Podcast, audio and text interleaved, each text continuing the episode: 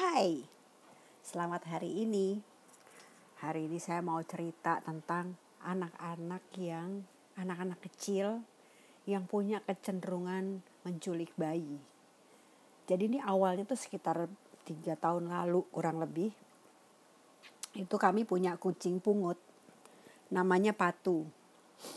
Uh, dia uh, kami rescue dari mana? Oh enggak enggak ada, jadi gini waktu itu ada klinik hewan tempat kami biasa e, bawa anak-anak ke sana itu menemukan seekor kucing yang hei sebentar sebentar nggak gitu ceritanya.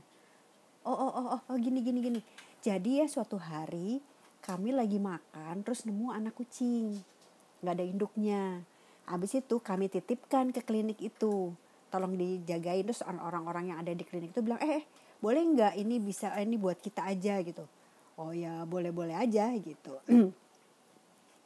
Sampai akhirnya terus balik lagi ke kami kalau nggak salah.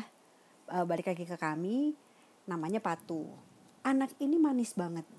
Jadi dia tuh kalau diajak ngomong ngerti diajak uh, disuruh apa gitu paham dan dia melakukannya gitu. Dilarang misalnya Patu sudah gitu. Udah dia. Tapi biar bagaimanapun kan tidak ada yang sempurna di dunia ini bukan jadi anak ini punya kecenderungan menculik bayi. Pada suatu hari uh, ada ada induk yang melahirkan. Bayi kan di mas biasa itu kalau yang melahirkan kami masukin kandang, kami alasin gitu, masukin kandang, terus dimasukin kasih dus gitu. Jadi um, mereka secure lah di situ dan induknya juga secure. Itu patu itu bisa loh, dia dari pinggir kandang, tangannya masuk menggapai-gapai bayi-bayi dan bayi-bayi itu akhirnya di, bisa dipegang sama dia ditarik ke pinggir ke pinggir e, kandang. Abis itu ditarik tarik tarik lagi sampai keluar. Dan itu berkali-kali. Sampai akhirnya kami ini ini ini diapain ya? Saya bingung juga. Akhirnya si bayi-bayi itu dipojokin ke dalam dus di dalam kandang itu. Udah pokoknya nggak kelihatan lah dari luar aman Lalu di pinggir kandang kami tutup koran. Jadi aman lah, nggak mungkin tergelincir keluar, nggak mungkin ditarik-tarik lah dari pinggir. Apa yang terjadi? Patu tuh seperti punya suara pemanggil bayi. Jadi dia punya suara kayak er, er, er, gitu. Dari pinggir dari pinggir ini, dari pinggir kandang. Muter dari ke, ke, ke enggak, enggak sekeliling kandang sih karena kan cuman dua sisi lah yang yang uh, dia berakses gitu.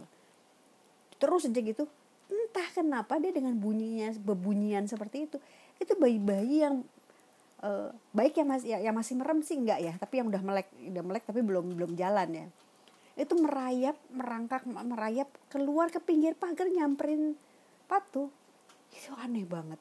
Jadi akhirnya tuh kalau misalnya mulai ada kalau ada bayi patu pasti kami kandang karena itu sangat berbahaya buat yang lain. Sampai kemudian akhirnya eh, Patu itu jadi anak kesayangan semua orang, termasuk para medik dari klinik itu gitu. Pokoknya kalau dat kalau pas lagi ke rumah mau vaksin segala mau vaksin anak-anak gitu, pasti yang ditanya, eh Patu mana Patu mana udah kayak among tamu lah gitu dia. Dan dia tuh memang sangat pandai menyenangkan hati orang gitu kami kena wabah panle kalau nggak salah. Waktu itu dia kena panle dan akhirnya nggak nggak survive. Itu sedih sedihnya agak lama karena yang sedih banyak orang. Jadi setiap kali ada yang datang pasti yang ditanya eh patung mana? Gitu. Eh, saya pikir udah nggak ada lagi anak itu dia anak istimewa gitu. Cuma dia satu-satunya ada anak yang ada anak penculik bayi. Ternyata enggak Sekian waktu kemudian, ada anak kecil yang melakukan hal yang sama dan yang dia lakukan adalah gigit ekor. Jadi ada bayi baru, lahir lah kira-kira dua harian kali ya masih merem. Itu sama dia tuh bisa ditarik tarik apa di digapai, di, diseret keluar, lalu digigit ekornya, lalu diseret pergi. E, sempat sekali ada yang e, e, yang ya dan dan itu dan itu saya marah sekali sama anak itu ya. Tapi kan menghukumnya gimana? Nah, saya kandangin nangis nangis dia sepanjang di kandang itu nangis nangis banget gitu. Cuman ya nggak ada pilihan. Cuma itu satu-satunya satu-satunya cara untuk membuat dia paham bahwa itu salah. Walaupun kucing biar gimana itu nggak nggak nggak sesederhana quote unquote ya. Nggak sesederhana anjing yang bisa segera dikasih yang bisa segera paham kesalahannya. Jadi kalau kita kasih tahu e, diulang dua kali tiga kali dia dengan segera paham oh uh, my human doesn't like it gitu. Yang soal yang itu gitu. Dia tahu. Kalau kucing enggak. Tapi sebenarnya kalau saya perhati perhatiin ya kucing itu bukan yang nggak ngerti. Karena sering kali kucing kucing itu ngerti kucing kucing kami ngerti. Tapi dia yang menentukan gue mau nggak mau tahu apa enggak gitu. Jadi kadang-kadang dia tuh ah bodoh ah gitu. Ada ada gitunya gitu kalau kucing. Karena kan uh, dia yang menjadi uh, juragan. Uh, dialah the boss gitu. The human just a slave gitu. Slavery unit. Nah, uh, jadi si anak ini um, terpaksa kami hukum dan ya nggak tahu ya um, apakah dia uh, dia pasti dia mungkin paham dan tapi ya kuat-kuatan aja kalau gitu. Karena selama si bayi-bayi itu masih ada bayi maka dia akan ada di situ. Dia dijaminkan lah makan minum dan uh, pupnya terjamin. Tapi kan nggak senang ya kalau dia biasa lari-larian di luar kandang. Dan kami biasa di rumah juga uh, kami tidak biasa untuk mengandang.